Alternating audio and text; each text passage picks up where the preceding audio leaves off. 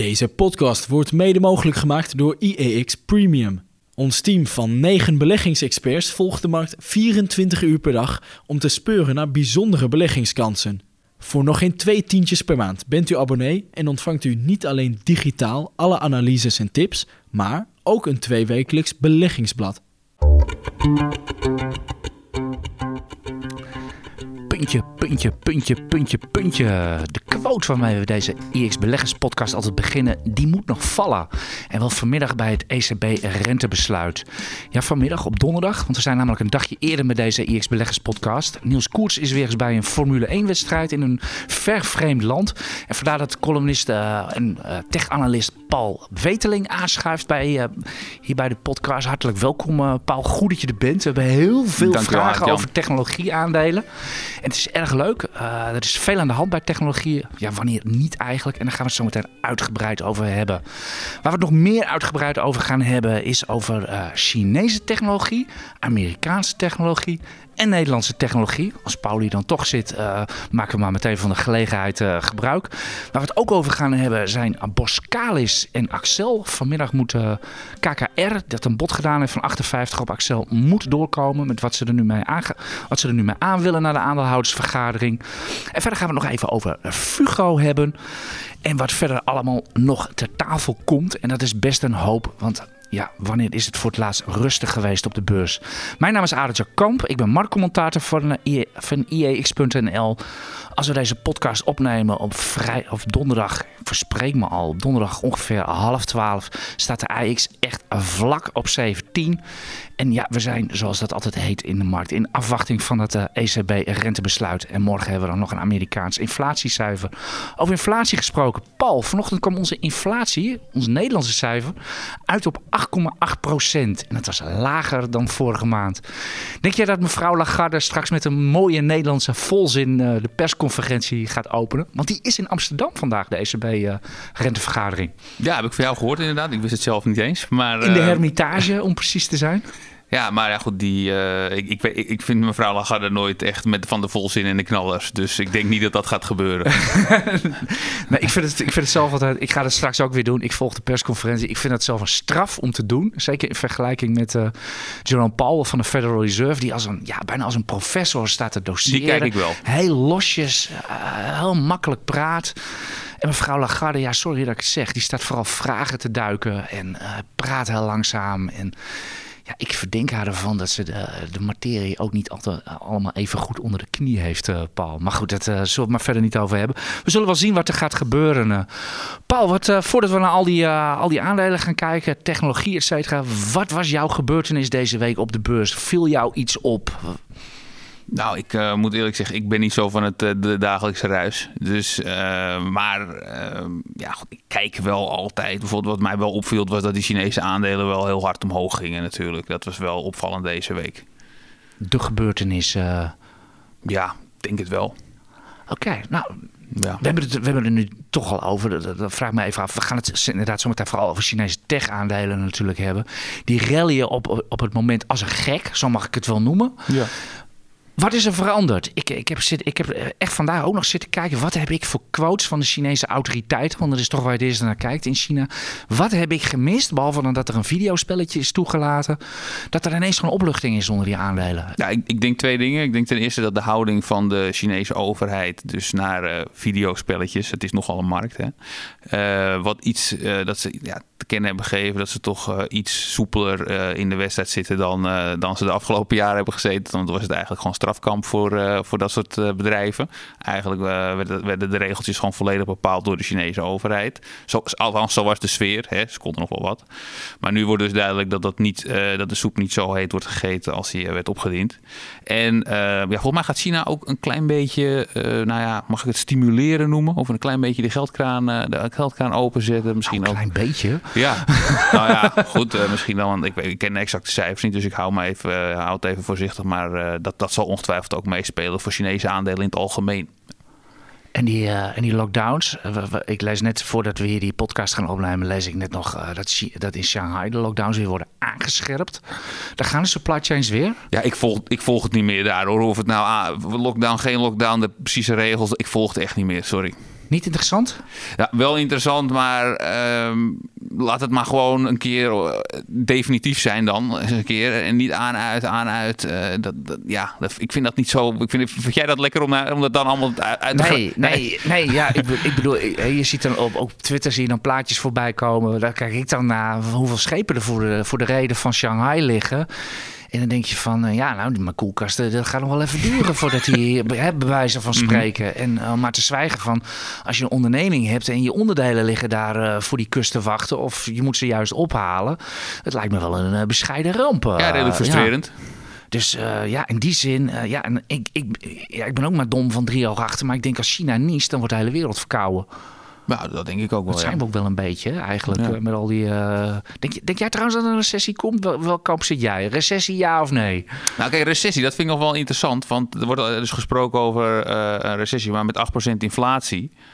Ja, heb je eigenlijk de eerste 8% groei al te pakken, zou ik maar zeggen. Dus al, Oh ja, redding is zo, ja. Oké. Ja, dus hebben we dan een technische recessie? Hè? Dus gaan we corrigeren voor inflatie of niet? Nou, als we niet gaan corrigeren voor inflatie, dan krijgen we waarschijnlijk ook geen recessie. Want dan moeten we wel heel hard eh, onderuit, zeg maar. Ja, Maar ja, als je wel corrigeert voor inflatie, waarschijnlijk wel. Dus in dat kamp zit ik. oké. Ik moet Ja. eerlijk zeggen dat eh recessie maakt mij niet zoveel uit. Nee, als, dat- dat als ook nog. belegger ook. Hooguit dat als het heel erg gaat worden, dan hoop ik niet dat ik weer eens voor mijn baan ga vrezen. Zoals ik dat in het verleden wel eens heb gedaan. Voor mijn aandelen ben ik nog nooit bang geweest. Want eh, ja, die komen altijd wel weer, eh, wel weer bij eh, na een bear market. Maar die, die, twee dingen hou ik zelf in ieder geval heel erg gescheiden.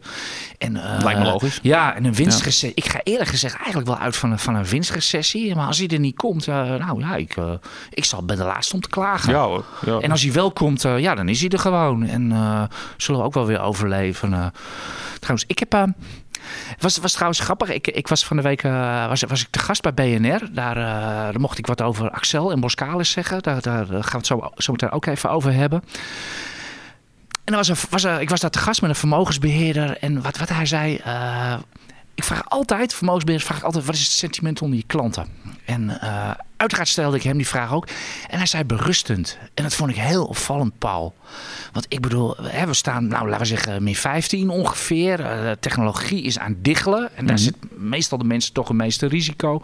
Zit iedereen vaak met veel te veel geld in. Dus het komt extra hard. eh, ik zie jou lachen op die opmerking, klopt dat? Dat mensen altijd met te veel geld in tech zitten. Nou ja, ik weet zelf hoe hard het aankomt. Als het, want ik zit ook Ja, ja, jij zit natuurlijk zelf ook voor, Ja, eh, dus, ja. dus ja, ik kan me wel voorstellen dat mensen dat wel voelen, ja. Sta je heel erg rood dit jaar? ik sta niet? wel goed rood, ja. Oké, Ja. nou ja, dat, eh, dat, dat hoort bij jouw spel. En dat Mhm. zal je zo meteen ook eh, uitgebreid gaan uitleggen. Maar dat berustend vond ik heel opvallend. Want eh, dit, soort tijden zijn berucht in de industrie. Van, als, als ze hard naar beneden gaan, dan is de telefoon rood gloeiend. Waar zijn jullie mee bezig? En, want er moet altijd iemand de schuld hebben. Helemaal niet.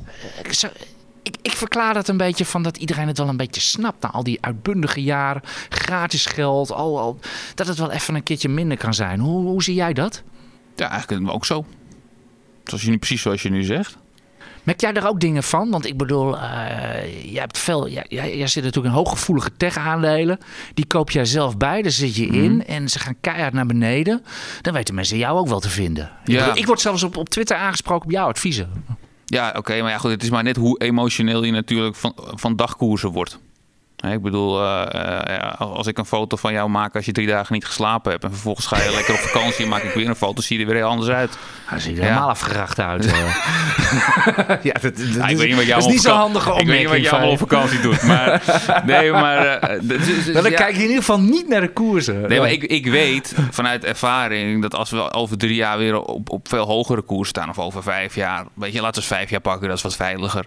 Dan, eh, dan horen we ni- niets meer van die opmerkingen van toen. Dus ja, dat is gewoon stof. Dus eh, ja, ja, moet ik dan daar nu dan eh, heel erg van over de rode zijn of zo? Ja, ik denk het niet. Eh, nee, dat, dat denk ik ook niet. Maar dan mag je zo meteen dan verder gaan duiken.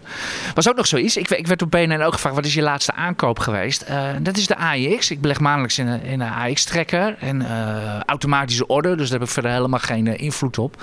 Dus de ene keer als ik hem zie binnenkomen, dan, eh, dan mopper ik. Want dan is het net het verkeerde moment. En de andere keer juich want dan is het weer het goede moment. En zo blijf je eeuwig bezig. Ik moet eerlijk zeggen, ik voel mij eigenlijk wel heel erg lekker ook met zo'n termijn van drie, vijf jaar in gedachten om die AX nu te kopen. Kun jij dat misschien raden, eh, Paul? Waarom ik, waarom ik mij lekker vind bij die voel bij de AX? Nou ja, ik denk, gok je, dat uh, sowieso de, de, de, waardering op dit moment heel aantrekkelijk is. Twaalf keer de verwachte winst. Ja, en ook nog met de upside van best wel wat goed, goede tech-aandelen. Dus, dus die takeaway die komen straks nog bij. um, dus, uh, dus ja... Dat, Ieder succesverhaal heeft altijd een vlekje. Ja, nee, dus een, een, lage waardering met veel upside. Ja, dat, dat is toch wel wat elke belegger wil, denk ik. Ja, zo, zo zie ik dat zelf ook. Ik bedoel, ik vind dat er, uh, ja, ook just die takeaway. Ik vind dat er 25 kwaliteitsfondsen in de AX zitten. Een derde is technologie. En dan 12 mhm. keer de verwachte winst. Dat zit, als je heel lang kijkt naar de geschiedenis van de, van de AX. En voor mij part de MSCI Netherlands Index, die nog ouder is. Dan zit je weliswaar aan de bovenkant van de waardering. Maar net wat jij zegt, een derde technologie aan boord. Groeiaandelen dan vind ik uh, 12 keer de winst helemaal niet zo raar. En uh, van mij mogen er nog, uh, mogen er nog, mag er nog 200 punten van de AX. Weet ik veel wat die, wat die koers gaat doen. Maar ik heb niet de indruk dat ik nou veel te veel betaal voor die index. En dat, dat gevoel heb ik de afgelopen jaren wel. Ja, nee, dat snap ik. Maar kijk, het is ook natuurlijk nog zo dat je uh, met die waardering, ik bedoel, als je, als je kijkt naar waar de inflatie nu staat, hè, dus wat voor, wat voor inflatie, wat voor renteverwachting er nu wordt, is ingeprijsd. Uh, die waardering, daar, zit, daar kan, uh, ik bedoel, het risico voor de rente en voor de inflatie ligt in principe aan de onderkant. Of we gaan niet naar 15% inflatie, tenminste, laten we hopen van niet. Dus je hebt ook nog, je hebt A, die upside van die bedrijven, maar ook nog eigenlijk nog wat upside in de waardering. Het ziet er eigenlijk gewoon heel goed uit voor de lange termijn. Oké, jij bent niet bang voor een uh, slepende bear market? Nee. Nee. We zitten eigenlijk ook al heel lang in een bear market. Het zou natuurlijk wel een tijd, het zou natuurlijk wel een, wat, een paar jaar ja, uh, zijwaarts kunnen gaan in het uh, niet-technologie gedeelte. Dat zou kunnen. Ja, maar dan heb je ja. een mooie dividenden in je nou aandelen ja, inkoop. Ja, het is, gewoon, het is gewoon een hoop aandeelhoudersreturn uh, op dit moment. dus ja, wat dat betreft ben ik ook wel heel blij. Want bedrijven zijn ook mean en lean in de afgelopen twee jaar met, COVID, et cetera. Ze hebben zeker niet te veel dividend uitgekeerd en aandelen ingekocht. Ze zijn voldoende gecapitaliseerd op een, op een enkeling na. En dan, ja, ik, uh, ik voel me prima lekker in ieder geval om nu de AX op, uh, op 700 te, kopen. En vraag, mij niet, vraag mij niet wat de koers gaat doen. We noemen het al even, de rentes. De rentes gaan keihard omhoog. En ik zeg even tussen haakjes achter en technologie stijgt. Ja, nee, daar heb ik, uh, ik heb namelijk wat gehoord. Ik uh, hoor dat er iemand op kantoor was die, een, die de bodembel recent heeft uh, gekald rond tech. Ga jij volgens, mij, volgens mij was jij dat. Ga jij uit de school klappen, Volgens mij was jij dat. Ja, dat heb ik. Nou, moet ik kunnen, toch? Of niet? ja, ik heb dat inderdaad op kantoor geroepen. Was, was dinsdag geloof ik, ik kwam op kantoor en dan, je weet wel, als je iets wil zeggen, dan groet je niet en dan roep je meteen wat. En ik riep iets van, jongens, ik luid, luid de techbodembel. Nou, natuurlijk iedereen brullen en joelen van, uh, dat zullen we nog wel eens zien. Maar het is, het is inderdaad, uh, het is zeer gewaagd wat ik, wat ik nu roep. Maar dat is inderdaad, en... Uh, Vind ik ook gewaagd. Mis, misschien moeten we ook maar naar het onderwerp gaan. Ik bedoel, we kunnen uitgaan wijden over die ECB. Ik, ik, vind jij dat nodig? Ik bedoel, we moeten dat rentebesluit afwachten. Er gebeurt niks. In juli kwartje, september nog een kwartje. En verder gewoon behind the curve. Juist. Zullen we daarop houden? Juist. En dan loopt de Fed ook nog voor op de ECB. Dus ook nog behind, ja, behind die zijn the al, Fed. Die zijn ook, nog, die zijn ook al behind the curve. Dus mm -hmm. het is mhm. behind, behind. Precies. Dus... Uh, nou ja, anyway. Het is, ook, het is ook wereldwijd zijn alle centrale banken al rentes aan het verhogen. India deze week twee kwartjes. Australië twee kwartjes. Nieuw-Zeeland vorige. Korea. Dus aan alle kanten gaan de rentes omhoog. Behalve dan in... Uh, het land van de reizende zon, waar de rente niet wil, uh, waar de rente niet wil stijgen. Japan dus en inderdaad, uh, inderdaad wij. Maar laten we maar naar die, inderdaad, na een maandje pauze zijn inderdaad de rentes weer hard aan het stijgen. Nederland staat zelfs al, de 10 jaar staat zelfs op 1,6 al. Mm -hmm. En tot mijn stomme verbazing gaan daar de laatste week, tien dagen, gaan daar de, de technologie en dan met name de meest afgestrafte, de minst winstgevende en de meest gevoelige technologie gaat daar heel hard tegen in. Ik noem Chinese aandelen, de Hang Seng Tech Index, die, die kent een broertje aan de Nasdaq. De Nasdaq China Golden Dragon Index, ken je die? Ik ken je die, Paul? Ja, ik hoor hem jou wel eens noemen, maar ja, ik, ik volg hem niet zo, actief. Ik vind dat zo'n fantastische naam. Dan zou je bijna al je geld erin stoppen. En ja, daar zit me een downtrend in. Word je echt heel maar misselijk van. En eigenlijk het, het, het fonds waar eigenlijk misschien wel de... Uh, ja, de hele tech bear market mee is begonnen. Met toen het afketsen van de beursgang van Ant Group. Dat was uh, Alibaba. Gaat dat een neergaande trend breken? Uh, of kijk jij niet naar grafiekjes? Ja, ik kijk natuurlijk wel eens naar die grafiekjes. Dit is wel leuk vermaak. Maar of ik er echt iets uit af kan leiden, dat, dat valt te betwijfelen. Maar inderdaad, het gaat wel. Het is gisteren geloof ik weer 15 of 16 procent omhoog. Dus het gaat nu wel even hard, maar ja, er is nog een lange weg te gaan wat mij betreft. Ja, wat, wat noem jij dan Ja. een lange weg? Ik bedoel, die, die, die fondsen zijn gewoon toch gewoon winstgevend. Dat zijn Ja. toch gewoon hartstikke goede bedrijven. Nee, ik bedoel lange weg ultra koers. la, la, la- lage waarderingen, et cetera. Ja. Wat, zijn, wat zijn volgens jou nu de risico en de kansen bij die Chinese aandelen? Tech-aandelen dan even. Nou ja, de kansen zijn gewoon eh, dat, dat technologie, dat ja, krijg je weer dat, dat bekende verhaal, dat de invloed van technologie in het dagelijks leven steeds groter wordt en mensen steeds meer technologie gebruiken voor hun aankopen, voor mobiliteit, nou, van alles en nog wat.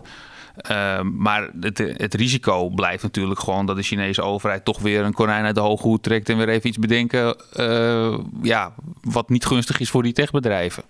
Om, omdat ze weer even willen laten zien wie er de baas is en wat wel en wat ze wel en wat ze niet goed uitkomt.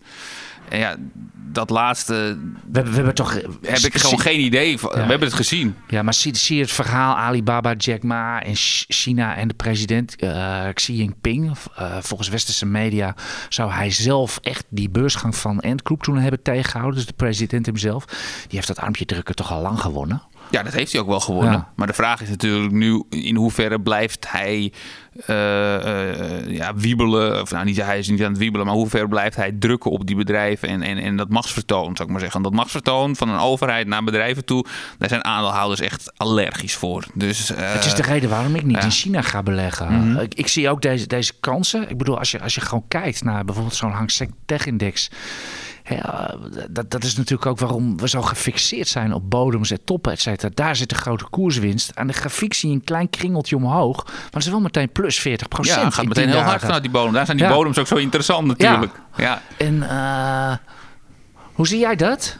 Nou ja, kijk, de, precies de bodem eh, pakken, dat is sowieso natuurlijk... Ja, bodemvis, het is een sport, maar eh, ik geloof Ja, niet... dat moet je niet gaan nee, doen. precies, Nee. ik geloof dat niet.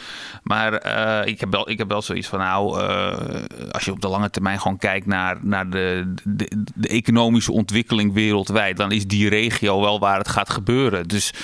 eh, en, en, en als je dan ook kijkt naar technologie, net wat ik al zei, dat verhaal van nou, technologie krijgt steeds meer invloed. Ja, als je die twee bij elkaar opplust, ja, dan moet het raar lopen, wil het op lange termijn niet omhoog gaan. Oké, maar en dan geef nou eens bijvoorbeeld advies aan mij. Ik wil niet in China beleggen, want ik vind dat politieke eh, risico, daar, daar kan ik niks mee. Mhm. En eh daar kan ik niet inschatten. En, eh, dus ik steek mijn geld er dan niet in. Eh, waar zou ik mijn geld dan in moeten steken? Als ik echt die Aziatische technologie wil hebben, moet ik dan gewoon de Taiwanese index kopen? Of de Koreaanse index? Of, Ja, moet je losse aandelen hebben? Wat, wat, wat, wat moet je zoeken daar? Ja, dan, zou, dan kom je toch bij een trekker, bij een Asia-trekker uit, denk ik.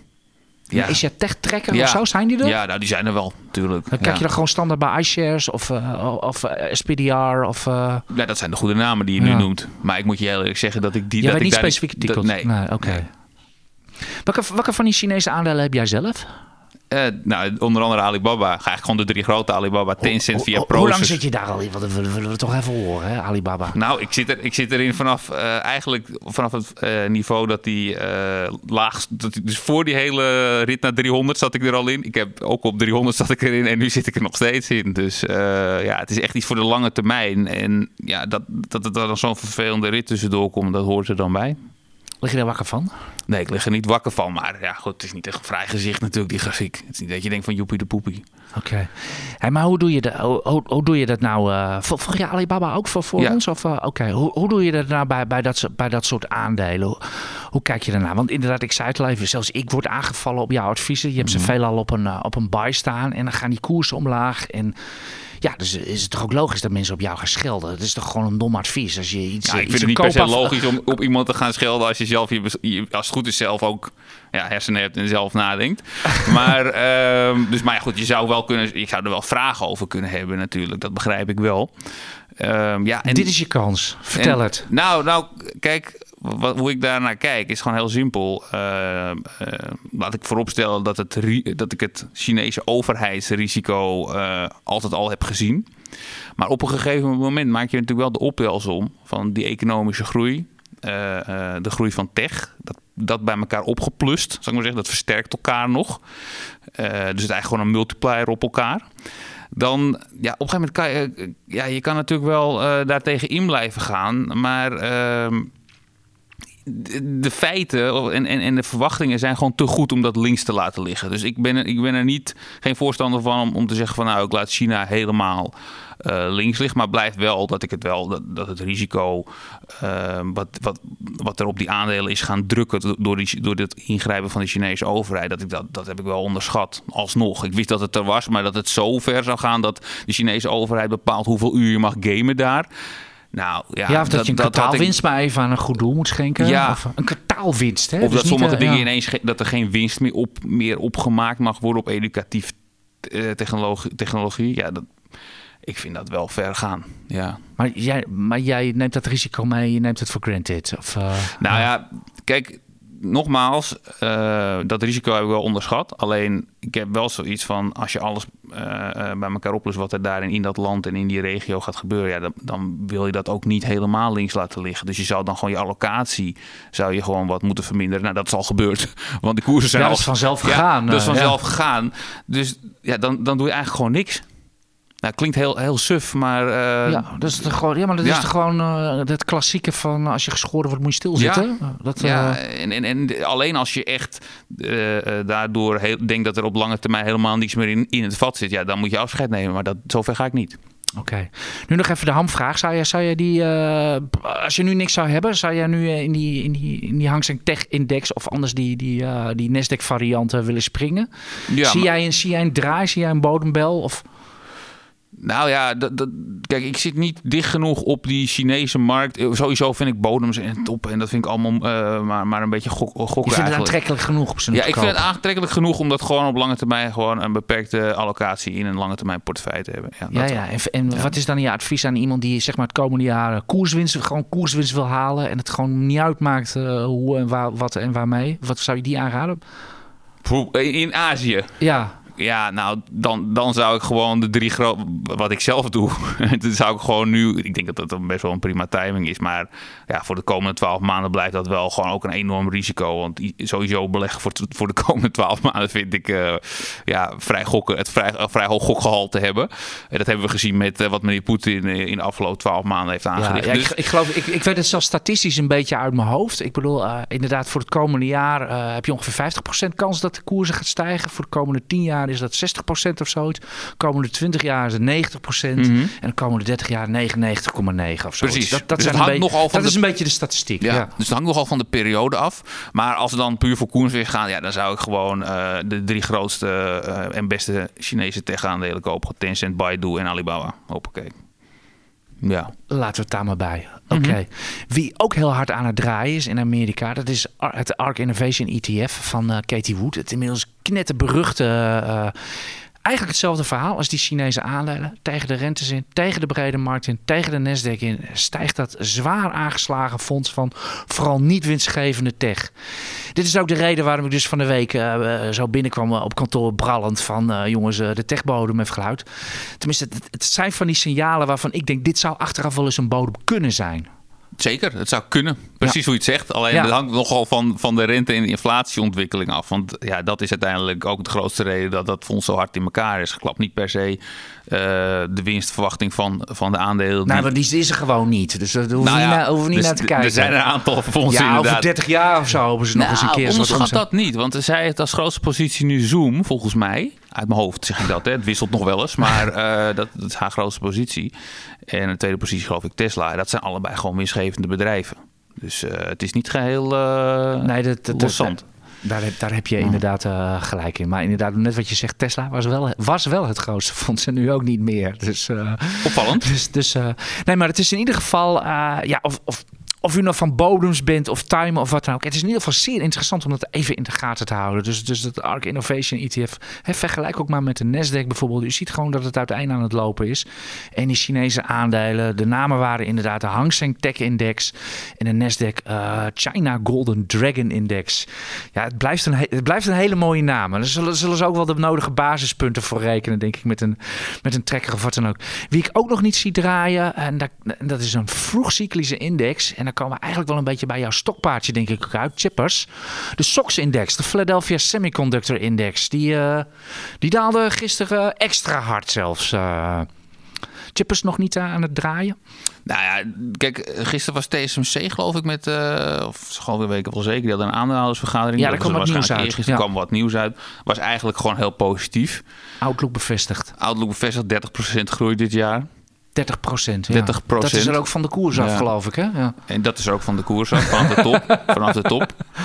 Um, en de komende jaren tot 2026 15 procent groei. Na dit jaar dus. Nou, dat vind ik toch niet treurig. Uh, nee, maar uh, de chippers liggen heel slecht. Ik had gisteren even een uitraadje gemaakt van, van de socks. En ik keek gewoon even naar de waarderingen van al die chippers. Ik uh, zie inderdaad, ik zie TSMC staan tegen 14 keer de verwachte winst. Ik zie een Qualcomm staan tegen 11 keer de verwachte winst. Ik word hier heel greedy van, Paul. Snap ik. Waarschuw je mij of zeg nee, je van ga er maar in? Ga er gewoon in. Ja, hoor. ja, kijk, ik Ga weet, ik niet doen. Maar nee, maar ik, ik weet dat jij uh, voor de lange termijn belegt. Dus dan kan je er gewoon rustig in gaan. Alleen ja, als je nu dan een beetje gaat, uh, gaat, gaat, gaat timen voor een ritje.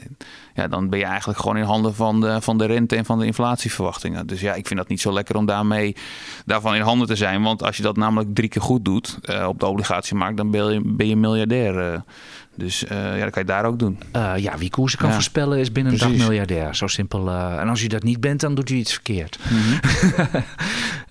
ja, ik zit nog even wat, wat, meer fondsen uit die stocks. Hoe, hoe kan het, Paul, dat hè, het zijn chippers, dat zijn allemaal cyclische aandelen. Hoe kan het zijn dat die waarderingen zo uiteen liggen? Want bijvoorbeeld ASML en Nvidia, wat ik zelf hele mooie bedrijven aandelen vind, die doen dan weer 30 keer de verwachte winst. En inderdaad een, een Qualcomm maar 11 keer en een TSMC 14. Van waar die grote verschillen, die, die we ook bij ons ASMI en BC en NXP zien? Ik, ik denk dat dat uh, met, name met Qualcomm dat dat vooral ligt aan de mate van dat het, hoe cyclisch het is. In de verwachting voor smartphones is dit jaar dat het nou misschien zelfs terugloopt. Ja, klinkt heel eng. Of het stabiel is. Dus eigenlijk gewoon geen groei in de, in de smartphone-markt. Nou, kunnen de chips die in smartphones zitten natuurlijk nog wel duurder worden. Dus Qualcomm zal heus wel wat groei hebben. Plus dat ze niet alleen smartphones doen. Maar ja, dat, dat is wel een, een hele uh, cyclische uh, uh, speler. En we weten natuurlijk dat er bij ASML gewoon een enorm tekort is qua productiecapaciteit voor die machines.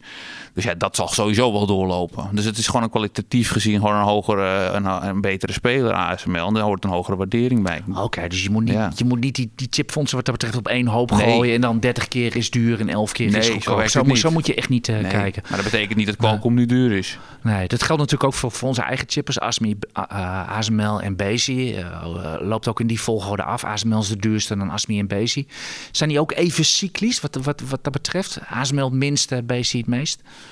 Ja, maar ik vind het verschil daar wel, wel iets klein. Want BC, ze zitten allemaal in de allerhoogste, eigenlijk allemaal in de Champions League van de chipmachines. Dus eigenlijk op het moment dat er uh, vraag is naar, naar die machines van A ASML, dan zal er ergens ook capaciteit op het hoogste niveau uh, van de machines van ASMI en BC bij moeten komen. Maar het is natuurlijk wel zo dat je met ASML een, uh, ja, een, bijna een monopolist heb, hebt. En die machines van BC... Haal dat bijna er maar af. ja. ja. Ja, ja, ik zeg altijd bijna, eh, omdat Nikon en uh, die, die, doen ook nog een klein beetje mee ergens daaronderin. Dus uh, dat, dan zeggen we bijna, maar het is in principe gewoon een monopolist op dit moment. Ja, dus daar hoort dan ook gewoon een hogere waardering bij alsnog. Voor, voor als Hell Breaks Loose. Ja. Daar hebben we het over Hell Breaks Loose. Er komt zo meteen nog vraag naar. Het is eigenlijk wel leuk dat, uh, nu we het zo over, die, over onze Nederlandse chippers hebben. Want er is meteen al een lezersvraag bij. Dus we kunnen misschien even een mooie, soepele overgang maken naar de, naar de lezersvragen.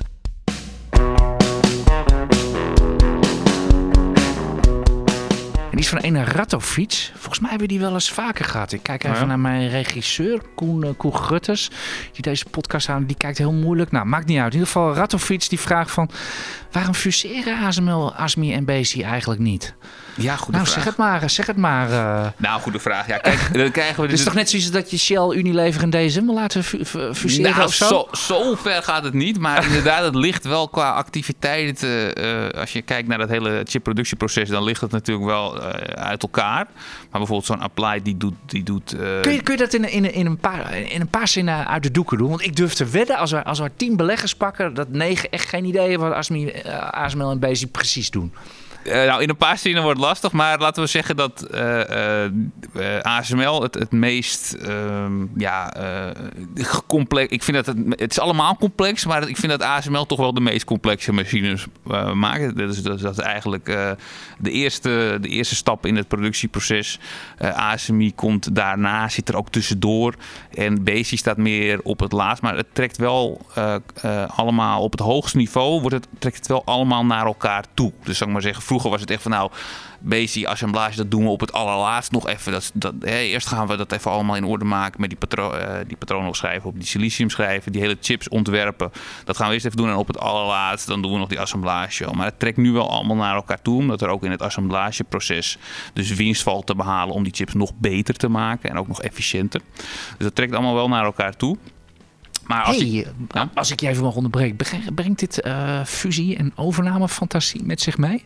Nou, dat is, een goeie, dat is dus wel een goed. Want we zien nu wel bijvoorbeeld dat Applied Materials. Dat is een bedrijf wat, eh, wat dichter op ASML eh, staat in het productieproces. Dat die wel een hele nauwe samenwerking met Bezi hebben. Die dus vroeger helemaal aan het einde een beetje meededen. Maar die trekken nu dus wel steeds meer naar de frontlinie toe. Om het zo, maar als ik het zo Oké. eventjes eh, gek mag Dus zeggen. eh, als Richard maar oud genoeg, eh, Richard Blikman, de CEO van eh BC, als hij maar oud genoeg wordt, dan komt hij vanzelf aan de frontend te zitten.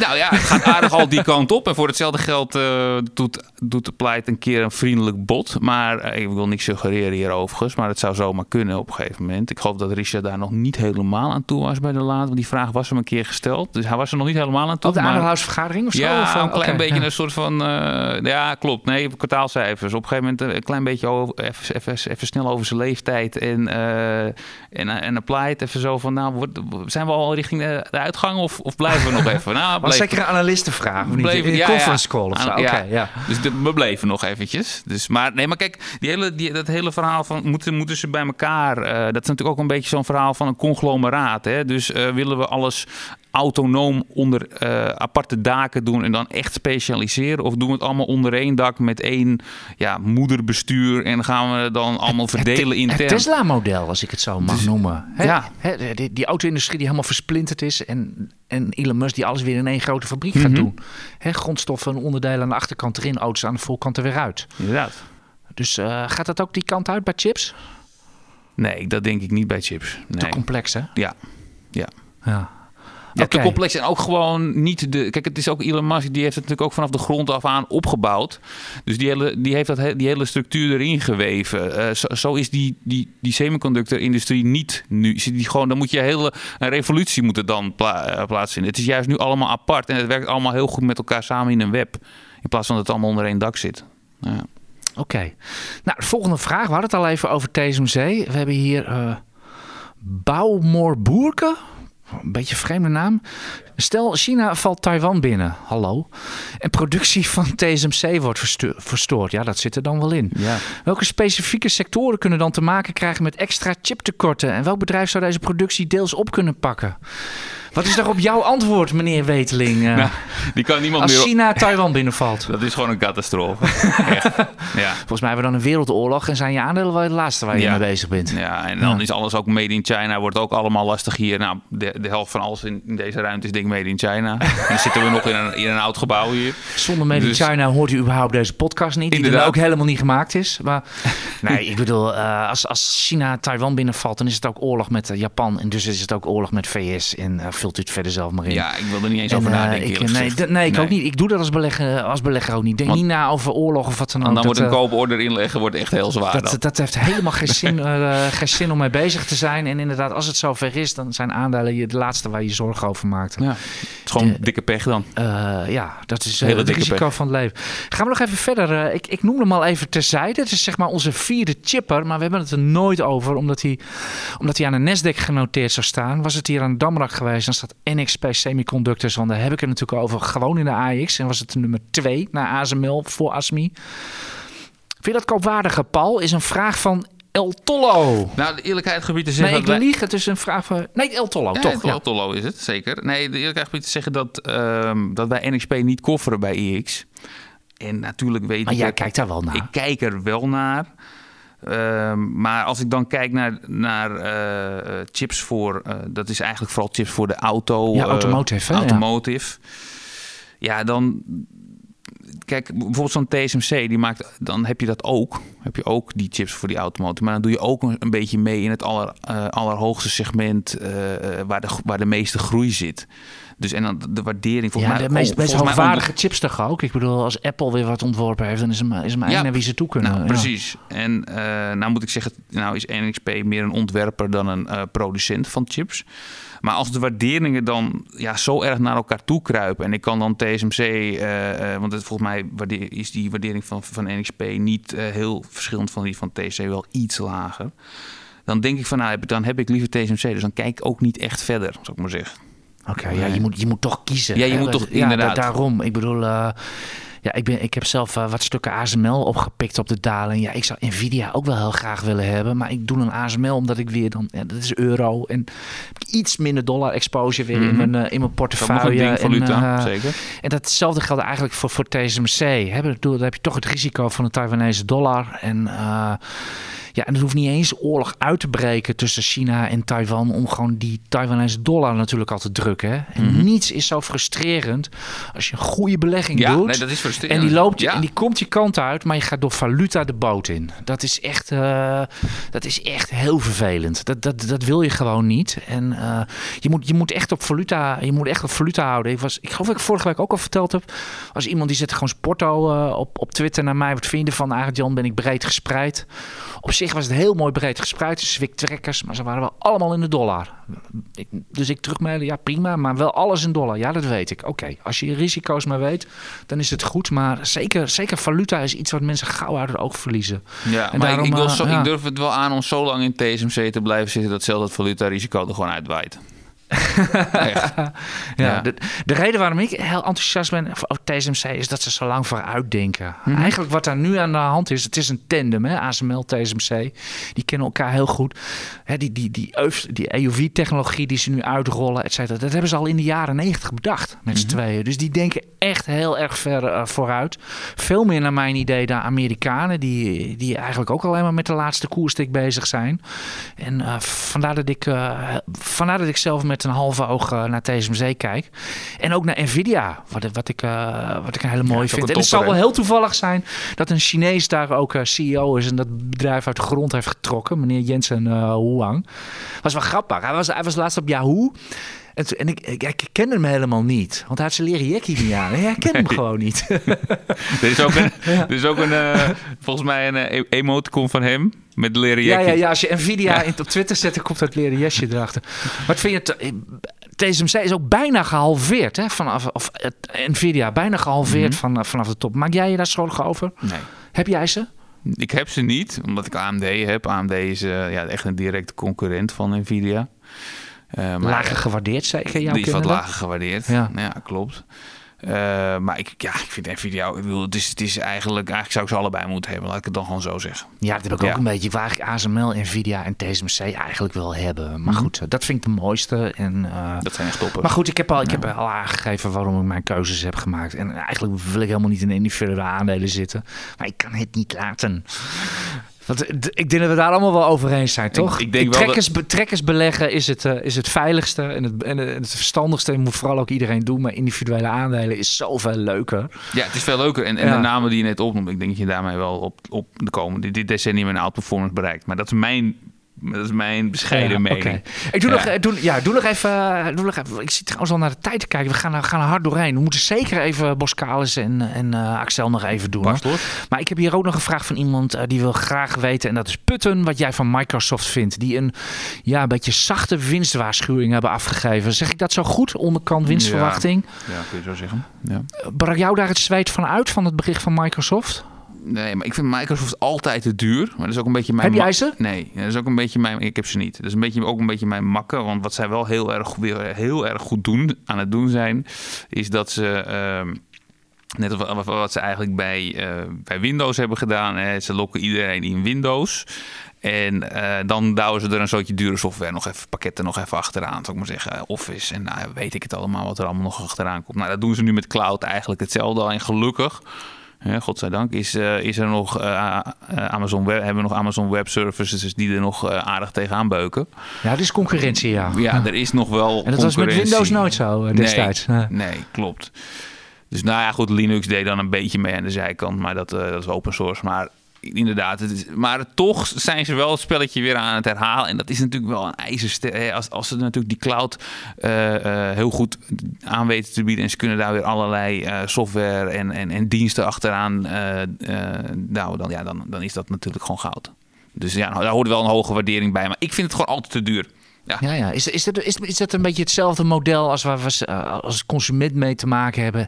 Ik bedoel, je koopt voor de Habekrats koop je een printer, maar als je een patroon wil hebben, dan uh, ga je ineens, uh, ja, dan moet je ineens de portemonnee... Dat, dat idee beheerst uh, Microsoft ja. als geen ander. Ja, nog even één vraag over één aandeel. Dat is wel een beetje een uitweiding, maar die volg jij ook. En jij hebt ze ook. En dat zegt ook wel even iets over het marktsentiment. En dat vind ik eigenlijk ook wel heel opvallend. De volatiliteit is flink aan het afnemen. Die staat nu ongeveer op 24. Dat ligt net, net boven de fix, de volatiliteitsindex. Mm -hmm. Dat ligt net boven het officieus, want het is allemaal niet, niet officieel. Officieuze nervositeitsgrens van 20. Nou, dat ziet u ook aan de, aan de aandelen dagelijks. Hè, waar we een maand, twee maanden geleden nog dagelijks een heel rijtje fondsen hadden die gewoon plus 5 en een heel rijtje min 5 deden.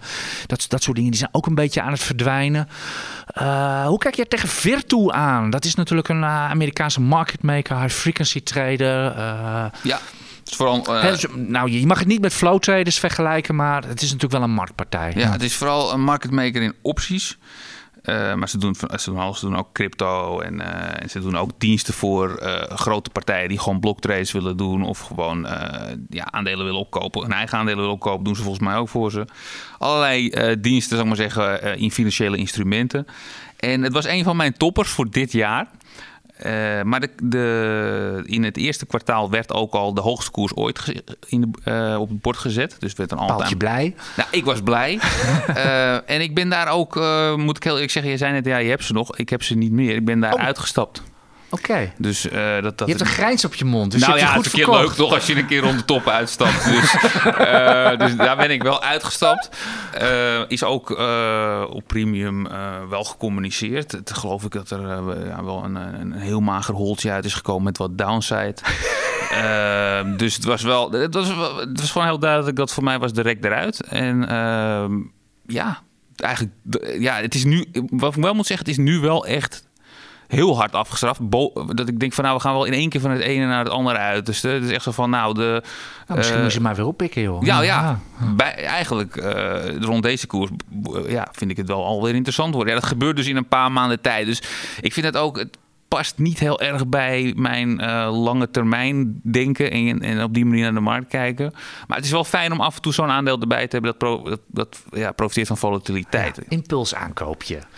Ja, een beetje. beetje. ja, dat moet er af en toe ook wel kunnen. Jawel, maar niet te groot, hè? Ja, ik bedoel, uh, het is natuurlijk, ik bedoel, uh, op de beurs moet je altijd wel een beetje opportunistisch zijn, vind ik hoor. Je moet strikte regels hebben, maar af en toe.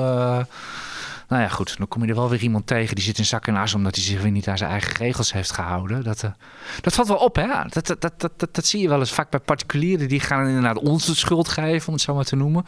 En als je een handelaar die uh, een foute treed heeft, die gaat zichzelf dan ontzettend voor zijn kop geven. Ja, die handelaar is beter ja. dan bezig dan... Ja, dat is, ja. Uh, dat is wel... Dan heb je weer niet aan je eigen regels gehouden. Nee, dat is natuurlijk het recept wel, voor geen persoonlijke vooruitgang is om andere mensen overal de schuld van te geven. Dat over, het, over, ja, over, over regels gesproken. Um, KKR, dat is natuurlijk de bekende durf-investeerder. Om even het vragenrondje ook, uh, ook af te ronden. Sorry, ik heb niet iedereen beantwoord. Ik kan nog hele leuke vragen op Twitter. Uh, kan er gewoon allemaal niet aan toe, helaas.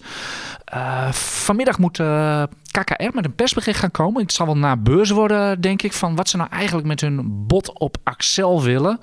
Dat is hè, het bot van 58%. En er is een, niet voldoende aangemeld. En op de aandeelhoudersvergadering bleek ook al dat niet iedereen even enthousiast is over het bord. Over het bot met ASR voorop. Die vinden het geen manier hoe met name uh, Teslin, dat is een andere groot aandeelhouder binnen, uh, binnen Axel, eigenlijk heeft samengespand met, uh, met KKR. Ik zag vandaag dat de koers, voordat we deze podcast ingingen, dat de koers eigenlijk tot 58 is opgelopen.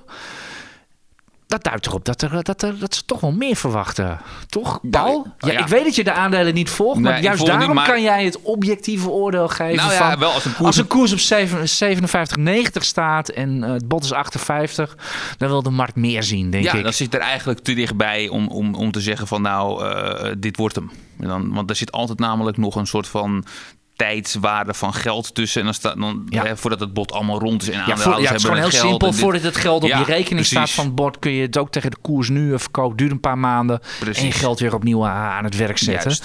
Dus dat, dat is het idee erachter. Eh, ja, eh, wat, gaat het, wat gaat het worden met Axel? Eh, ik denk dat eh, KKR vertragingstactieken gaat toepassen. Ik weet natuurlijk niet waar ze mee komen om, om half zes, kwart voor zes met, met een misschien hopen ze ook een beetje dat de economie wat, wat vertraagt en dat dan het bot eigenlijk wat beter uit de verf komt op het moment dat de economie, dat er een soort van een beetje een halve, halve recessie is gaande is of Ja, zo. ja, want KKR Ja. kijkt natuurlijk ook verder dan het, dan het komende jaar. Die zien natuurlijk vooral de fantasie in elektrische fietsen.